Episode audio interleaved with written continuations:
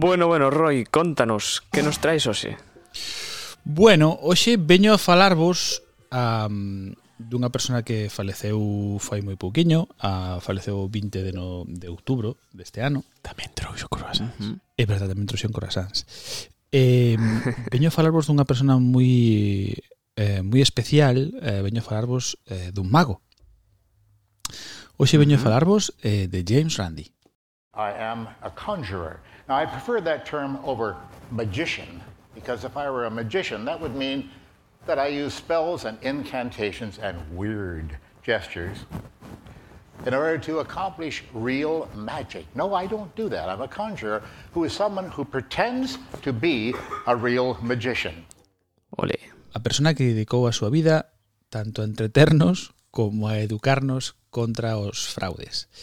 Um, para facervos unha pequena idea, a James Randi eh, é un señor probablemente que todos todos coñezamos a día de hoxe a, visualmente, polo menos, como un vello entrañable. Tiña moita barba tamén. De barba blanca, voz profunda.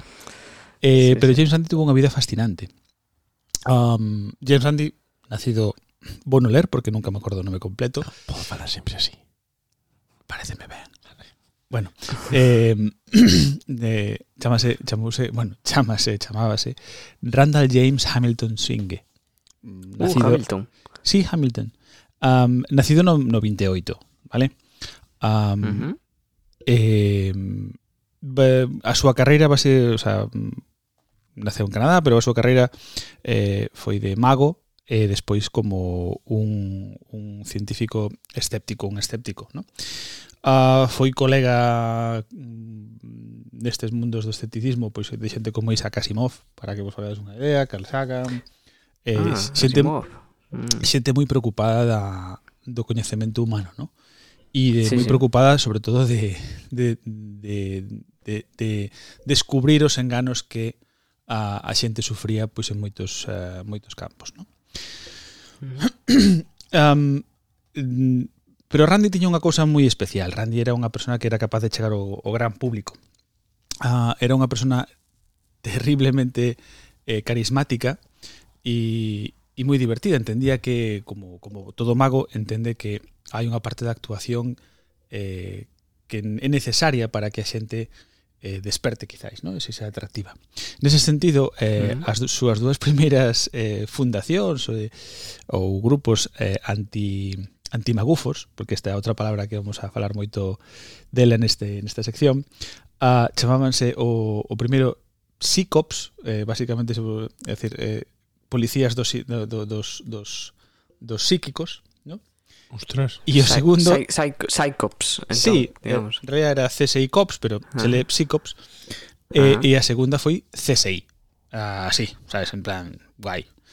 Um, e despois finalmente, quizás foi a que foi a máis coñecida, eh, fundou a, a James Randi Educational Foundation, que foi terriblemente famosa uh, porque tivo durante moitísimos anos, ata 2015, se non recordo mal, uh, un reto a nivel mundial a que calquera podía eh, sumarse, eh, que era demostrar que tiña poderes paranormais. Si o demostrabas ante toda dúbida, el, a fundación tiña un millón de dólares reservados para darche. Wow. Ninguén o intentou, o sea, per, per, no, perdón, intentou moitísima xente, ninguén o conseguiu. Te vas, te decir. Vale? É moi divertido. Uh -huh. uh, bueno, non sei se chegaste a saber algunha vez a ver algunha das súas conferencias, pero son totalmente recomendables porque son super divertidas. O sea, este tío podía podía ter, te, podía ter unha carreira como stand-up comedian eh, á altura dos millores. Era un comunicador asombroso. Cazador de charlatanes. Efectivamente, cazador de charlatanes. Eh, el de feito, eh, aínda que formou parte durante toda a súa vida de todas as asociacións máis importantes de Maxia, e un mago reconocidísimo. De feito, ten un récord foi un ten un récord Guinness que no que superou a Houdini. Houdini tiña o récord establecido da persona que estivo encerrada nun, nun ataúde en non sei cantos minutos, pois el superouno con 20 poucos anos, quero decir, moi moi xovenciño. Hai un eh, hai un punto na carreira de Randy ao principio no que el, ainda traballando de mago, sempre tivo un pouco de, de distanciamento cos, cos, cos magufos, no? con esa xente que se aproveitaba da maxia para estafar a xente. Um, e unha das primeiras cousas que fixo que quizáis foi antes de, de tomar esa decisión na súa, na súa vida, foi manter unha columna de astroloxía nun periódico eh, baixo nome do mago Zorán e, e que facía unha cousa moi divertida. El, el mismo di, o, o decía, eh, que collía de varios periódicos todas as predicións eh, astrolóxicas, mezclabas e... Facía un cortapega. Eh, eh, facía un cortapega. Sí, facía un cortapega. pero, pero bueno, el, el mantivo moitas guerras abertas con moitísima con moitísimos estos estafadores. Eh, un dos máis famosos era un telepredicador americano eh, que, que decía que era capaz de ler a mente e, e, e tiña a comunicación divina e o tío des, o sea, descubriu uno que basicamente o que tiña eh, era un pinganillo no que a súa muller lle cantaba as cousas da xente que tiña diante Sabes? Entonces, a xente que andiu a ver o tipo este a, facía un cuestionario sí. ao principio e despois a, a súa muller tiña todo ese diante, toda a información buscada e superaballe o marido polo pinganillo de orella. Ah, eso quere sonarme, creo que vin algo así en algunha película ou Ten dous fillos, así. ten non sei que. Sí, sí. Hai que ter amigos, ¿no? Para o, Recorda un pouco o, o paranormal hai que ter amigos. Claro, recorda un pouco antes, o, ¿no? o a comedia esta do que que eh, que, que está en Amazon, home, dos da familia dos dos eh, tele, dos predicadores. De James Stones. En HBO. De James Stones, efectivamente. É un pouco ese sí. estilo, ¿no? De, de telepredicador americano que uh -huh. fai falsos milagros, ¿no? Um, Pero bueno, é un tío polifacético. Uh, para que vexades que polifacético é, uh, el fixo o tour eh, musical de Alice Cooper no 73, 74 e foi encargado eh, de primeiro de preparar os trucos eh, on stage, no, que facía Alice Cooper, que sabedes que eh, é probablemente o músico máis consciente da historia da teatralidade do directo eh, e, e tamén facía un pequeno papel eh, do, o sea, era o que se encargaba de matalo en, en on stage, no? o sea, en, en vivo. Ah, tamén tuvo moitas ah. colaboracións en televisión moi coñecidas eh, na que se dedicaba eso a desmontar magufos el colaborou co programa de, de, de Carsons moi famoso en Estados Unidos Jim Carsons e este o que vos sí, quero sí. falar da súa batalla máis grande que foi a que, que por unha parte eh, eh, foi o seu gran triunfo e o seu gran fracaso e foi con Uri Geller. Acordades vos de Uri Geller? O tío que doblaba mm. cucharas en televisión. Sí. Ah, ¿Vale? sí, sí, sí. Bueno, pero por eso solo, ¿eh? Sí, pero Uri, sí. Geller, Uri Geller tuvo Esa. un... Era eso, un... un eu sinto moito, é un payaso. Hai un vídeo en YouTube que se dedicaba de media hora sobre isto. Sí, vale. que se dedicaba a ir pola, polas televisións e por por tal, diciendo que tenía poderes mm, parapsicológicos, ¿no? Non, hacía de doblar as, as, as, as chaves, as non sei que, ler a mente, mil historias. E, e Randy, ah, bueno, parecíalle, sempre se ofendeu moitísimo por aqueles eh, magos, o sea, aqueles magos, aqueles eh, tricksters, os, os, os, os magos de profesión que o que fan son trucos, eh, cando se intentaba abusar da xente no? e, e sacarlles cartos. Entón, unha das mm. cousas que se, se plantexou foi quero desmontar a este tipo. E, digamos, é un punto de inflexión na súa carreira. Non? El xa, xa fixera algúns, algúns destes eh, de bankings, como echan en Estados Unidos, un desmontado ¿no? de trucos e tal. Uh, non era a primeira vez que traballaba con Carson, sino outros programas. Pero este foi un caso tremendamente mediático. Uri Geller tiña moita sona, moi, estaba moi, moi, moi, moi aceptado, uh, e, e iba por moitos estudios, e, e, e Randy o que fixo eh, foi a preparar todo coa axuda de Carsons, que tamén era un mago aficionado e un escéptico. Entón, prepararon todo o set de maneira que Geller non fose capaz eh, de tocar nunca antes nin as cucharas, ni, bueno, nada destes utensilios que fai que usaba él, ¿no?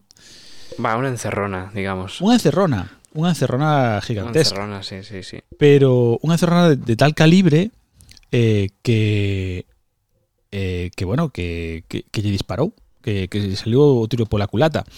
Um, Hostia, pensei que levaron arma ou así. No, parou, eh, digo, hostia.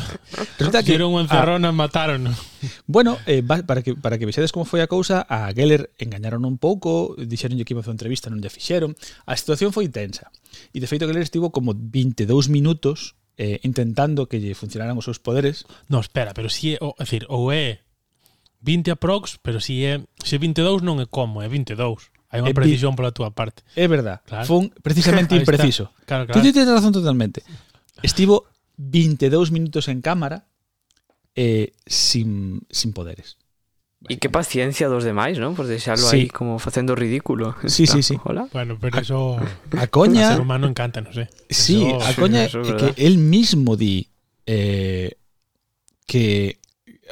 Uh, Geller recoñeceu nunha entrevista uh, ao New York Times que, que se fue a hotel eh, devast, o sea, devastado, que, que, que, asumía que su carrera había acabado en ese, en ese programa. Um, eh, se, y, y, que se marchó, eh, eso, que estaba para marcharse otra vez a Tel Aviv. Y... Sí, pero la gente que tenga esas fes es muy, cruel, es muy un poco fiel, de pena. Es muy eh, fiel. Oye, dame ¿qué pena, pasó? Pobre claro, salió por la culata. Os fans de Keller. Claro, ahí está. Y la gente. Ahí está. Eh, a un, a un, o sea, como unha superestrela, un, un éxito rotundo.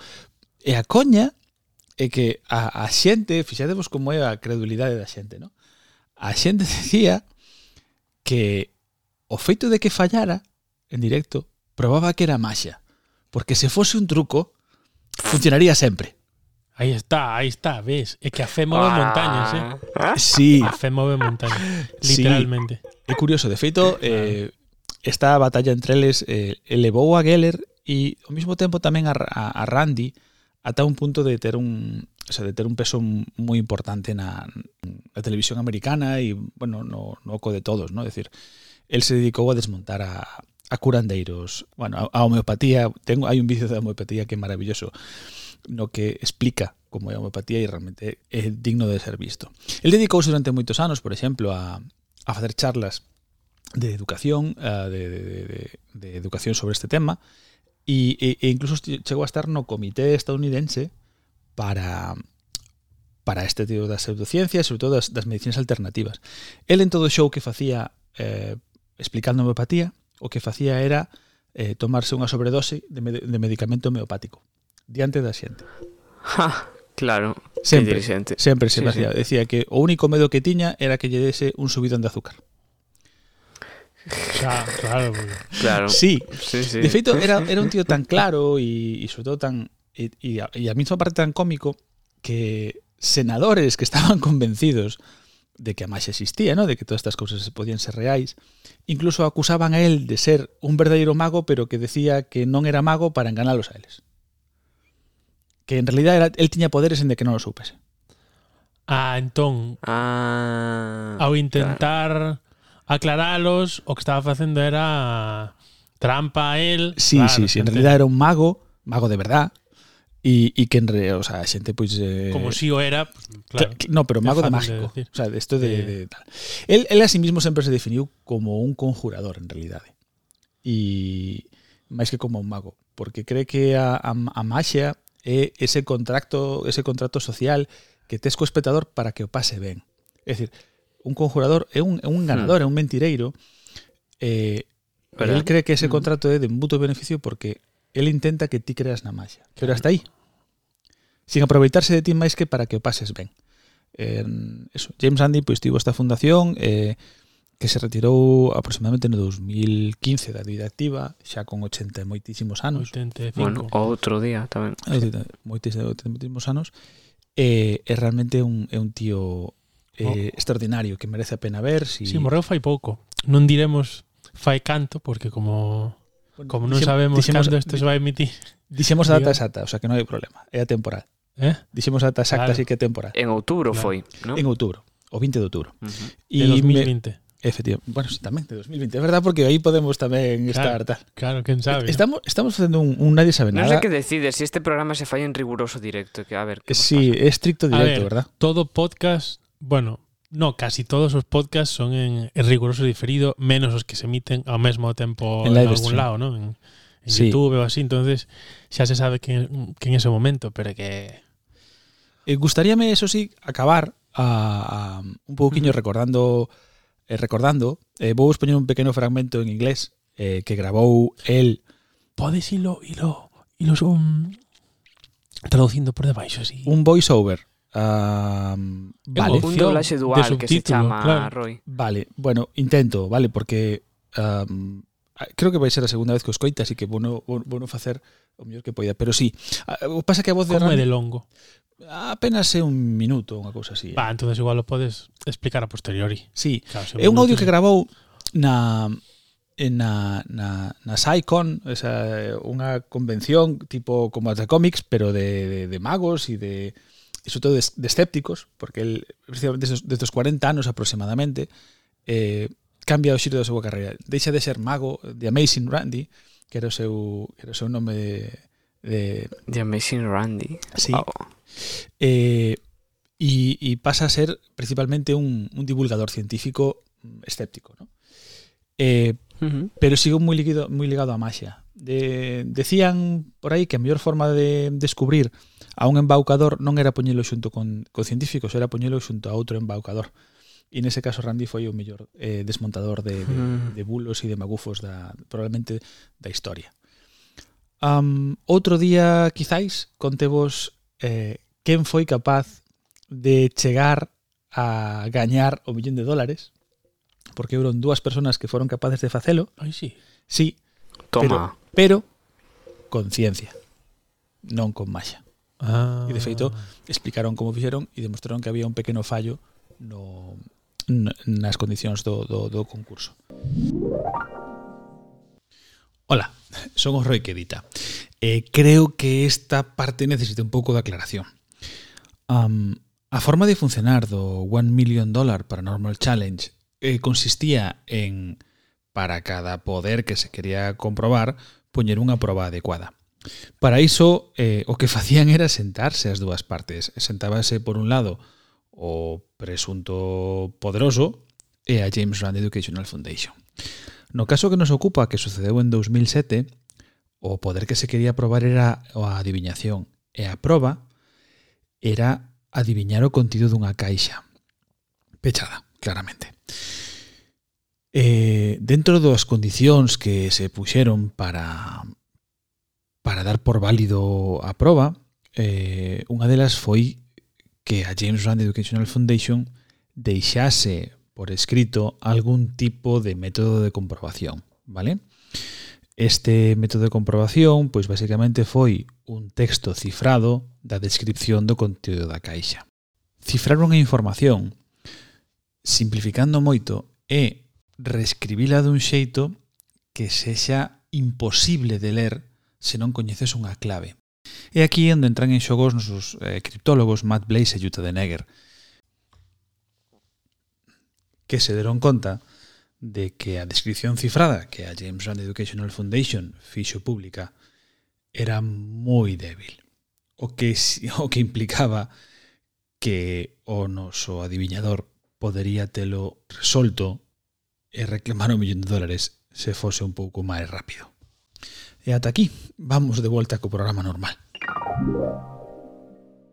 Bueno, hai lugares da ciencia que parecen maxia. Sí, de feito, este- caso falaban de criptoloxía. Está o hormiguero aí, eh? Uh, Que o demostra. Bueno, Lois, cinco segundos. É unha é, é unha broma, jova, é unha Unha broma. broma. Non me deixar así, era unha broma, non me decía en serio. bueno, e con todos vos a, a magnífica voz de, de James Randi presentándose a sí mesmo na, na SICON. Hello, my name is James Randy. That's R A N D I, and I'm known as the Amazing Randy because I'm a magician. Now, that means that I'm a conjurer, actually, because there are no magicians. You can't really do magic, but you can approximate it so closely that you'd never know the difference. And that's what I do professionally. I'm 88 years of age, going on 100, as I like to say, because I'm an optimist, among other things. I'm also an atheist, but uh, that's not too important here. Thank you for your kind attention to this announcement. E, e bueno, aquí vedes eh, a escoita de Randy. Eu creo que a mí non sei a vos, a mí me ten unha calidez na voz que me que sempre me enganchou. Si, sí, estaría guai que Ten esa voz de, de embaucador, ¿no? Ese tono de que te atrapa, ¿no?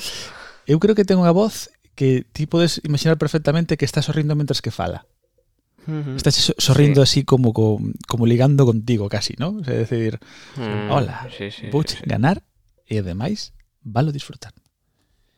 Sí, sí. si enganar ou non, porque ata que punto se con honestidade é un engano, mm -hmm. Decir, se entende sempre que o engano é algo perverso e en este caso tamén o, o aceptas, ¿no? Porque mm -hmm. si se si vas a ver un espectáculo de estes ou así, aceptas eso. Bueno, ti queres ti queres que te engane. Hai unha predisposición aí sí. a aceptar o truco, ¿no? Sí, eu creo que parte da, da gracia da maxia, da maxia, hmm. eso da maxia on stage, quer decir que ti vas a a que te enganen. E parte da, gra da gracia, hai dúas formas de disfrutalo. Hai entrar completamente e, e disfrutar puro como un neno, ¿no? De, inocente desa tal. E a segunda é o reto mental de decir como se fai. Que diferen eu que diferencio a un mago dun espectador que che interese o como sí, se fai sí, sí. de disfrutalos en tal. A, a mí sempre me gustaron os magos e teño dous eh, te, bueno, teño un principalmente. Randy chegou moi, moito máis tarde a miña vida, pero para mí o gran mago da, de, de historia e está recoñecido de Tamariz. E Merlín. Pero Merlín é un conto. Merlín mola moito, pero me, que Merlín Uh, falando, outro día falamos de eso porque é apaixonante. A historia, eh, bueno, todo o personaxe de Merlín é a, apaixonante porque sabes que hai mm, certos Buah, tío, estamos índonos polas ramas mogollón. No, o, sí, o, o caso igual. Que en o tema, España é unha figura, bueno, e máis en Europa sí Tamariz como unha especie de de padriño de mogollón de magos, ou eso En España e a nivel mundial. Sí, Está sí, recoñecido. De feito, él ahora vive, creo que vive en Málaga ou, bueno, non sei onde, creo que vive na, eso, na costa mediterránea e o tío habitualmente xa non fai representacións, creo, fai moi poucas, pero recibe a moitísimos magos para que lle dé eso, cátedras sobre micromaxia, porque mm. Tamariz é un micromago, é un mago de cerca, ¿no? Eh, e o tío está recoñecido mundialmente, foi recoñecido varias veces como o mellor mago do mundo, eh, foi presidente, tata. É un, é un currículo impresionante de Tamariz. E aparte é un showman. É showman é divertido.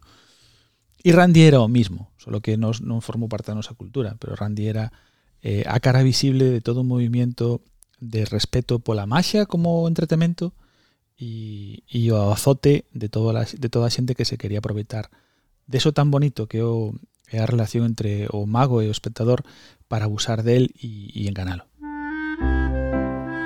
Gracias por todo, James. Descansa en paz.